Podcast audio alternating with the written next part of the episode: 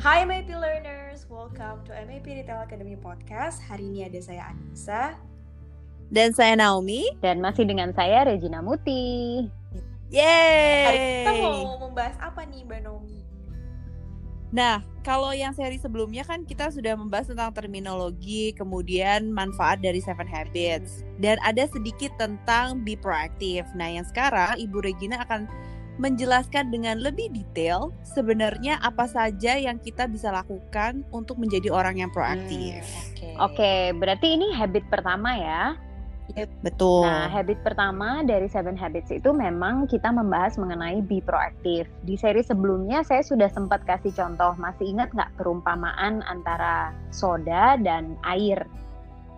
oh, Baik, masih inget banget tuh. Ya, jadi kalau soda itu adalah contoh dari yang reaktif, yang di mana dia kalau di shake dia akan burst out kan, dia akan muncrat. Betul. Tapi kalau yang proaktif itu eh, ibaratnya adalah air yang kalau dia di shake sekencang apa pun dia masih tetap mengikuti bentuknya, which dia juga bisa eh, tenang gitu ya. Nah, Hmm, contoh betul. yang paling gampang untuk aplikasi dari Be Proactive ini adalah kita langsung masuk aja ke kejadian nyata. Kita selama di Jakarta, siapa sih yang nggak pernah kena macet? Pernah nggak? sama- Wah, setiap hari ya. Setiap hari ya, yang rumahnya di Sunter, selamat. Tapi sekarang merindukan macet Iya. ya gara-gara work from home. Oke. Oke, nah em, pada saat kita traffic jam, mungkin pada suatu hari kita menghadapi macet, padahal pagi itu di pukul 9 kita tuh ada meeting yang sangat penting. Apa yang kita akan lakukan? Optionnya tuh sebenarnya kita bisa menjadi orang yang proaktif atau kita mau menjadi orang yang reaktif. Biasanya option yang paling sering muncul pertama kali adalah kita marah. Marah-marah, habis itu jadi bete, malah pada akhirannya itu akan mengacaukan mood di seluruh hari itu dan akhirnya malah lupa pada important points yang kita mau sampaikan atau kita mau achieve pada saat meeting. Atau Hmm. option yang kedua, kita bisa menjadi orang yang oke, saya tahu ini macet, pasti ada kejadian luar biasa. I just need to stay calm and think on the strategies. Kira-kira gimana nih? Sudah pasti saya akan terlambat, tapi apa yang saya bisa lakukan untuk nggak sampai mengacaukan mood, nggak sampai mengacaukan hari yang akan berlangsung gitu.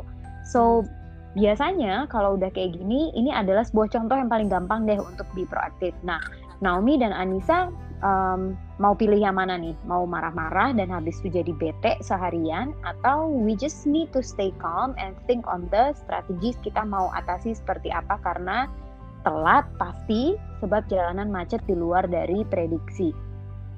Think on strategy. Nah, of course ya, kalau kita belajar uh, be proaktif, kita pasti akan memilih untuk stay calm, try to calm and embrace the situation. Jadi harus menerima dulu memang keadaannya seperti itu. Kita nggak bisa kontrol macetnya kan. Yang Iya. kita uh, kalau kita marah-marah, kita bete, apakah jalanan terus menjadi lebih lancar? Enggak juga sih ya. Hmm, bukan nggak juga, tapi nggak banget. Enggak banget ya. Jadi what we can do adalah um, kita bisa telepon tim kita yang ada di office dan menyampaikan bahwa saya pasti akan terlambat. I will need your support untuk prepare dulu meetingnya, mungkin opening dulu atau stall time, ulur-ulur waktu sebentar, ajak ngobrol misalnya tamu pentingnya sampai um, kita bisa sampai di kantor or even kita bisa start meetingnya secara conference dulu misalnya sampai Hmm. pada akhirnya kita tiba di kantor. Bisa kayak gitu kan? Ya. Jadi memang fokus dengan apa yang kita bisa kontrol gitu ya. Betul. Jadi uh, ini loh ada perbedaan nyata antara reactive people kalau mereka itu biasanya make choices based on impulse. Jadi mereka Hmm. mengikuti urge-nya atau dorongan yang ada dalam dirinya mereka. Makanya kita bisa bilang sebenarnya orang-orang yang reaktif ini um, they don't do thinking process. Jadi benar-benar ikutin emosinya, ikutin impulsnya yang pada waktu itu mau keluar tuh seperti apa. Hmm. Tapi Hmm. kalau orang-orang yang proaktif, mereka mengambil keputusan itu based on values. Artinya di dalamnya itu ada proses berpikir karena mereka biasanya mikirinnya tuh apa sih? Mereka memikirkan konsekuensinya. Kalau aku marah-marah konsekuensinya apa nih? Dan Hmm. mereka juga memikirkan ending dari macet ini, ending dari meeting yang aku mau lalui di pukul 9 itu apa? Kalau kita memikirkan bahwa I need to um, stay sane, stay positive karena meetingnya very crucial, kita akan memikirkan ending story-nya pasti yang bagus. Nah, karena kita pengen happy ending, makanya kita akan set up um, strategis yang lebih baik instead of marah-marah supaya si happy ending itu tetap bisa di-achieve gitu. Oke, okay. hmm. jadi kalau orang bilang think twice gitu ya kalau be proactive itu. Bener, jadi selalu berpikir dulu sebab akibatnya akan menjadi seperti apa, resikonya akan seperti apa gitu. Jadi mereka ya, bahasa gampangnya orang-orang yang proaktif ini mereka tahu bahwa mereka tidak bisa kontrol kemacetannya, tapi mereka bisa kontrol action yang mereka mau ambil untuk menghadapi kemacetan ini. Intinya, fokus hanya pada hal-hal yang kita bisa kontrol. Oke, uh, kalau misalnya MAP learners pasti sering merasakan nih, udah macet, kemudian uh, keserempet atau mungkin uh, ada yang ngeselin gitu. Kita sebenarnya sebagai orang yang proaktif boleh marah nggak sih Ibu Regina? Oke, okay. um, good question. Jadi biasanya pertanyaan berikutnya adalah berarti kalau aku menjadi orang yang proaktif, aku nggak boleh marah dong? Boleh hmm. dong pastinya. Kalau kita nggak marah, um, bedanya tipis ya antara proaktif dan uh, halu halu gitu. halu ya, wah tuh Anissa Atau ya. bedanya tipis antara orang yang proaktif dan denial. Maksudnya hmm. gini, Marah itu boleh, marah itu common. Yang paling penting adalah kita harus bisa mengontrol seberapa lama sih kita mau marah dan seberapa dalam kita mau marah. So control the length and the depth. Kenapa? Makin lama kita marah, kita akhirnya fokus sama apa? Fokus sama hal yang bikin kita kesel atau fokus sama problemnya kan? Bukan fokus sama solusi apa yang saya bisa ambil untuk memperbaiki keadaan ini gitu. Dan kalau hmm. kita makin dalam marahnya wow bete yang menjadi-jadi hanya karena macetnya itu bisa jadi kita itu akan sulit untuk bounce back sulit untuk kembali ke mood yang normal. Jadi benar-benar marah boleh tapi kontrol berapa lama dan berapa dalam. Oke jadi uh, eh, MAP learners itu sebenarnya boleh marah ya kita boleh marah tapi memang kita punya kuasa untuk mengontrol uh, kemarahan kita benar gitu itu ya? itu benar-benar kata kunci dari proaktif kita punya kuasa atau kita memiliki option atau freedom to choose bahasa hmm. uh, istilah yang dipakai di Seven Habits itu adalah freedom to choose kita benar-benar bisa memilih kita mau mengeluarkan respons yang seperti apa Nah, freedom to choose ini dipengaruhi oleh awareness-nya kita, pakai paradigm apa, pakai kacamata yang mana kita mau melihat situasi itu.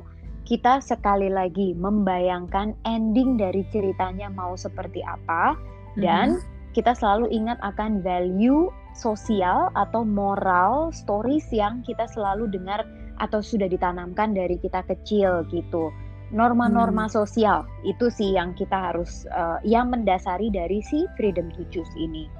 Hmm. Menarik banget ya. Mungkin Anissa tadi ada yang mau dikatakan? Enggak sih, tapi berarti um, berarti bagaimana kita ya freedom to choose tadi kan juga berdasarkan value. Berarti kalau misalnya value itu apakah harus selalu dari lingkungan atau kita bisa juga melihat dari ya apa yang menurut kita benar gitu Bu Hmm, uh, value itu adalah sesuatu yang sudah ditanamkan dari kecil by our parents, our family, tapi juga ada norma-norma sosial yang berlaku di sekitar kita. But as we grow, um, kita juga pasti punya personal value yang kita tanamkan dan itu menjadi dasar atau foundation kita dalam bertingkah laku. So kalau ditanya value ini apakah uh, terkait dengan sosial atau diri sendiri, it can be both. Oke. Okay. Hmm, jadi bisa dua-duanya ya. Yep. Mungkin itu juga kali ya orang sering bilang kalau kita pilih teman itu yang betul, yang benar. Karena maybe seperti kata Ibu Regina itu mempengaruhi value kita juga. gitu. Betul. Jadi kalau ada orang yang bilang jangan pilih-pilih teman, hmm, I should say I disagree. Kalau untuk sekedar kenal, kita boleh kenal dengan semua orang, but actually kalau kita mau sukses, kita harus surround ourselves dengan teman-teman yang bisa support our success. Hmm. Jadi kita nggak mungkin loh temenan sama sama orang yang dikit-dikit jealous. Kalau kita berhasil, mereka jealous. Hmm. Gimana kita mau maju gitu. Hmm. Jadi we really need to surround ourselves dengan orang-orang yang bisa support our success. Oke, good point banget tuh Bu Regina. Nah, kalau MEP learners yang memang uh, perannya sebagai leaders dan juga sebagai managers, sebenarnya uh, be proaktif aplikasinya itu seperti apa sih? Kalau menurut pengalaman Bu Regina. Oke, jadi um, sebenarnya yang yang poin yang kita pengen emphasize ya atau yang kita bisa emphasize dari be proaktif untuk seorang manager adalah leader yang baik itu selalu see alternatif. Jadi yang dilihat itu adalah option lain dari sebuah keadaan dan bukan roadblocks-nya atau bukan fokus pada problemnya, tapi benar-benar spend the energy untuk mencari solusi atas sebuah keadaan. Um, as an example, Mm-mm. pasti kita as a as a manager pernah ketemu atau pernah menghadapi tim member yang uh, mungkin performance-nya biasa aja tapi senengannya ngomongin kita di belakang. Aduh, Waduh. gedek banget ya. Hmm. Nah, jadi diomongin di belakang sama tim member.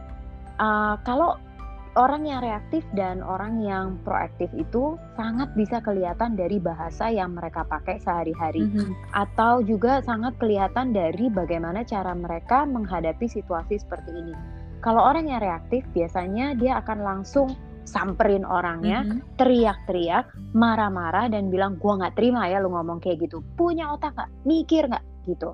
Hmm. Uh, atau kita justru menjadi depresi yang berlarut-larut. "Huh, uh, Even my team member nggak suka sama aku. Hmm. Um, yang lebih parahnya lagi mungkin akhirnya tim membernya itu dikasih silent treatment, didiemin aja, nggak dikasih kerjaan, dianggap nggak ada, balas dendam, retaliation, Hmm. sampai akhirnya orangnya uh, mungkin dikeluarkan atau dipaksa dibuat dalam tanda kutip mengundurkan diri. Hmm. Tapi kalau orang yang proaktif, ini horor ya yang terjadi di reaktif. Parah banget Tapi ya. that's, hmm, but if you think about it, it's very possible loh. Hmm. Karena itu sering banget terjadi ya Ibu Regina ya. Maksudnya it's a common Iya. thing. Apalagi kalau kita punya tim member yang jumlahnya tuh besar, Hmm. yang jumlah tim membernya itu banyak. Pasti um, challenges seperti ini atau kondisi seperti ini sangat mungkin untuk terjadi Hmm. gitu. Nah, itu tadi yang reaktif. Jangan kita lihat dari sisi jeleknya aja ya, tapi kita juga lihat uh, orang yang proaktif um, ketika dia menghadapi tim member yang seperti ini yang challenging, yang dia akan lakukan adalah dipanggil orangnya, diajak bicara personally, share um, our feeling gitu. Kita katakan bahwa I don't appreciate apa yang kamu lakukan. If you don't like me, seharusnya you can express it, you can communicate directly. Itu adalah salah satu yang uh, action yang akan mereka lakukan. Other than that, mereka juga akan introspeksi, self intros self introspect. Jadi mereka akan melihat ke dalam dirinya sendiri. Jangan-jangan selama ini emang gue tuh kurang gitu memperhatikan dia. Jangan-jangan mungkin apa yang dia katakan tuh sebenarnya bener loh. Jadi kita memperbaiki diri sendiri. And after that, ya udah move on Hmm. gitu. Tidak dibawa personal dan besok-besokannya "Hmm, nggak usah deh ngomong sama dia lagi. Abis dia pernah melakukan sebuah kesalahan. Hmm. Gitu. Lebih reflektif ya jadi. Yes, um, reflektif dan dicari. Kita fokus sama uh, solutionnya. Hmm. Kan kita nggak pengen timnya berantakan ya. Jadi makanya orang yang proaktif atau manager yang proaktif dia akan mencari solusinya. I need to cut this, menghentikan energi yang negatif ini. Makanya aku perlu mengajak dia bicara dan tahu sebenarnya root cause-nya apa sampai dia bisa ngomongin jelek tentang aku di belakang aku. Hmm, jadi memang diajak ketemu one by one ya dengan timnya. Iya, untuk case yang Mm-mm. tadi ya. So, poinnya adalah benar-benar yang dilihat itu adalah alternatif dan bukan roadblocks.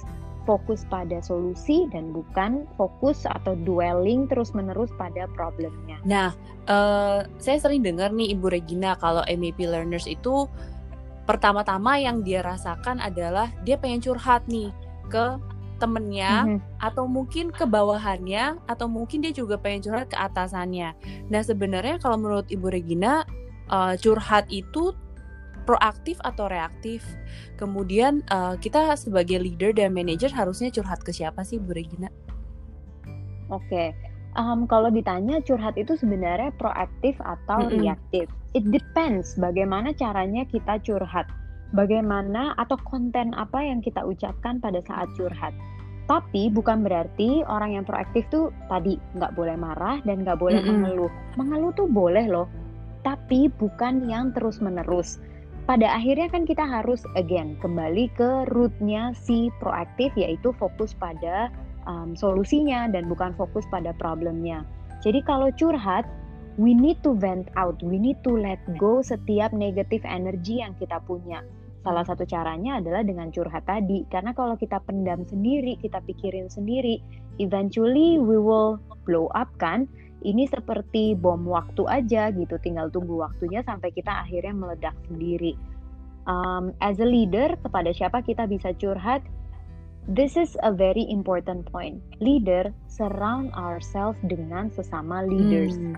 Kita harus ngobrol dengan sesama leaders, kita brainstorm, bahkan pada saat curhat ini, don't close ourselves dengan feedback yang mungkin bisa diberikan oleh teman curhat kita Hmm. dengan sesama leaders. Jadi the best um, partner untuk curhat as a leader adalah our fellow leaders. Hmm, Jadi sama-sama leaders ya. Betul. Kalau kita curhat sama tim member itu sebenarnya uh, kalau menurut pandangan Ibu Regina seperti apa? Um, curhat dalam hal apa dulu? Kalau misalnya kerjaan, and we know that uh, pekerjaan itu related dengan sesuatu yang sifatnya confidential, then it's a wrong move. Ah. Tapi, tapi misalnya kita curhat mau membicarakan um, salah satu tim member kita yang ada di dalam timnya Mm-mm. kita ya. Terus kita curhat dengan our second person yang ada di Mm-mm. tim atau sesama leader yang ada di timnya kita. Then it's allowed. Yang paling penting curhatan itu harus ditutup dengan Oke, sudah selesai keluhannya, curhatannya. Sekarang kita fokus pada solusinya. Hmm. Kita mau ngapain nih? Action apa yang akan diambil untuk memperbaiki keadaan? Hmm. Jadi jangan cuma fokus sama masalah, kemudian kita juga lihat konteksnya apa gitu ya dalam curhat. Betul. Hmm. Very nice point. Dari Anissa mungkin ada yang ingin ditanyakan ya mungkin. Hmm, kalau dari saya, oh ini sih tadi eh, Bu Regina bilang sesama leaders. Eh, apakah itu harus leaders yang, for example, misalnya kita manajer nih, apakah kita harus eh, bisa bergaul dengan yang di atas kita misalnya, atau Mhm. ya sesama title-nya sama-sama manajer gitu karena mungkin biasanya eh, ada rasa sungkan ya kalau misalnya mungkin nggak semua orang tuh punya personality yang bisa open with everyone gitu kalau Mm, saya mm. teman yang agak sungkan untuk apa ya mendekati orang yang mungkin lebih senior itu kira-kira solusinya gimana ya Bu Regina? Oke, um, curhat ini kan maksudnya sesama leader ini nggak limited kepada mereka yang di atas aja, Hmm. tapi juga open dengan teman-teman yang di uh, level yang sama gitu. Bahkan jangan menutup Hmm. diri hanya dari uh, function yang sama ya, tapi bisa juga dari function yang berbeda. Karena mereka siapa tahu Ya. punya different point of view loh terhadap satu masalah atau terhadap satu situasi. Alright. Nah, Ibu Regina, untuk habit nomor satu Mm-mm. ini kira-kira ada tips and trick nggak untuk MAP learners sebelum kita move ke habit yang kedua? Oke, nah um, tipsnya adalah yang pertama kita benar-benar harus start dengan exercising menggunakan bahasa-bahasa yang proaktif. Contohnya adalah gini, kalau bahasa yang proaktif akan selalu melihat dengan um, optimism. Jadi misalnya ada satu hal yang challenging untuk kita sebagai manager atau sebagai leader untuk hadapi, orang yang proaktif akan ngomong bahwa I will try this um, I will try to find some other alternative gitu.